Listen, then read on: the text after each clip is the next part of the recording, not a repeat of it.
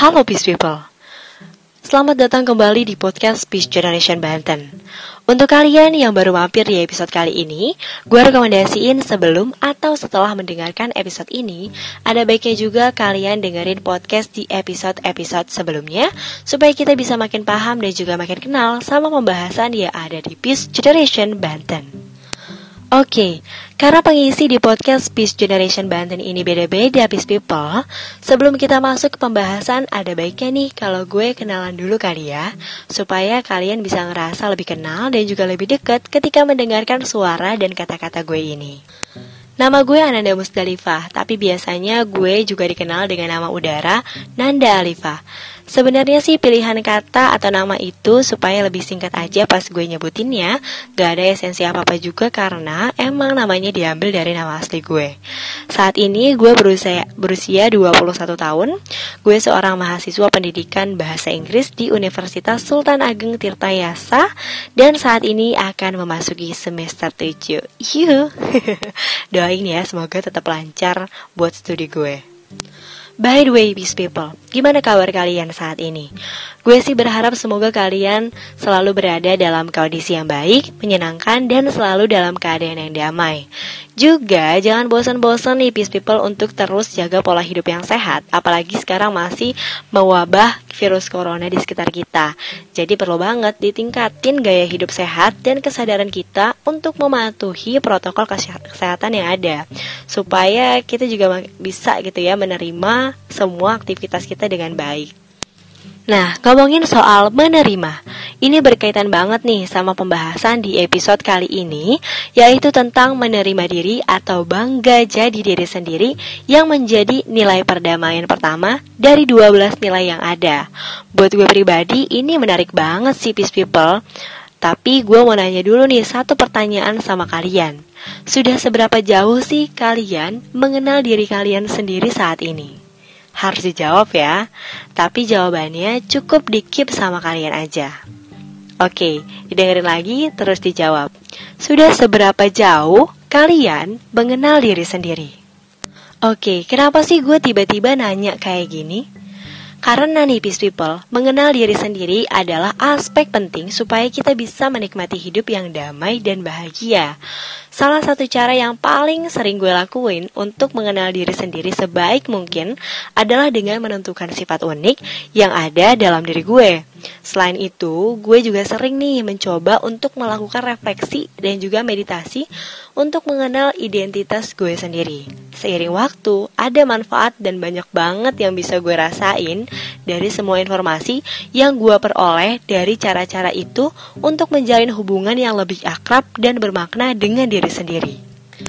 Oh iya, berkaitan dengan hal itu kalian nyadar gak sih kenapa semakin ke sini kayaknya makin marak banget bertebaran campaign kayak love yourself, self love atau juga be yourself. Sebelumnya, gue sempat bingung nih, peace people. Kenapa penting banget sih menggaungkan istilah-istilah kayak gini? Karena gue berasumsi bahwa tanpa ada anjuran dengan istilah tadi, toh kita mau gak mau juga akan jadi diri sendiri. Tanpa istilah-istilah tadi, kita juga pasti akan mencintai, menjaga, dan merawat diri kita sendiri kan. Tapi ternyata nih asumsi gue itu dangkal banget bis people. Karena gue gak mampu melihat dengan jeli konteks yang terjadi saat ini. Setelah gue amati dari beberapa sumber pemberitaan yang gue baca Saat ini emang bisa dibilang lagi meningkatnya krisis percaya diri dan juga krisis rasa syukur. Mungkin hal ini juga berkaitan sih ya dengan pesatnya perkembangan teknologi saat ini yang memungkinkan orang untuk saling tahu keadaan satu sama lain dengan lebih mudah dan juga lebih cepat. Bahkan terkadang nih ya, yang paling nyeremin kita bisa tahu keadaan seseorang sampai ke ranah paling privasinya. Nah, untuk orang-orang yang memiliki keadaan yang terlihat beruntung dan juga menyenangkan, mungkin oke-oke aja untuk ekspos kayak gini. Tapi beda halnya nih dengan orang-orang yang sedang berada dalam kondisi yang kurang beruntung. Akhirnya, kita-kita ini, orang zaman sekarang, saling berlomba-lomba untuk memamerkan sesuatu yang kayaknya keren dan juga memiliki sesuatu yang ya pokoknya pengen dipamerin aja dan itu dilakukan secara masif. Kalau mau ngelihat dari sisi positifnya, itu bisa banget peace people mungkin kita bisa jadi lebih terpacu dan termotivasi untuk jadi lebih baik. Sayangnya, sekarang orang malah jadi salah kaprah nih orientasi berpikirnya. Kita menganggap segala sesuatu yang terlihat keren malah jadi standar kesuksesan dan kebahagiaan hidup manusia. Padahal kan enggak juga. Jadi gak heran nih kalau sekarang kita jadi kurang bersyukur dengan kondisi yang kita miliki saat ini merasa selalu ada yang kurang dengan diri kita lah, merasa belum mencapai standar kebahagiaan dan kesuksesan yang berlaku di masyarakat lah. Padahal untuk bahagia dan sukses setiap orang punya standar dan kadarnya masing-masing yang pastinya berbeda.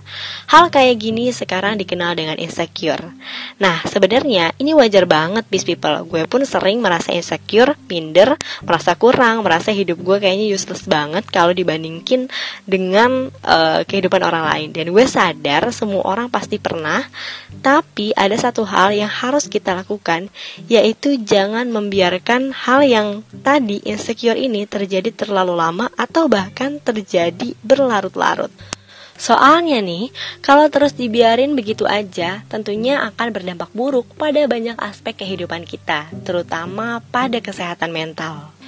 Jadi intinya, gak usahlah selalu terpaku dengan keadaan orang yang kita lihat keren. Karena kita nggak tahu dong ya apa yang kita lihat apa emang bener kayak gitu. Atau kalau emang pun bener pasti ada suatu proses yang mereka lalui yang berat yang kita nggak tahu dan kita mungkin nggak sanggup untuk melewati uh, proses yang berat itu. Karena kan kadar kemampuan orang setiap orang tuh beda-beda gitu ya. Nah Uh, gue pengen bagi pengalaman sih beberapa pengalaman atau satu pengalaman tapi jadi beberapa bingung juga sih gue. Pokoknya gue akan bagi pengalaman ke kalian soal pengalaman gue pas kelas 3 SD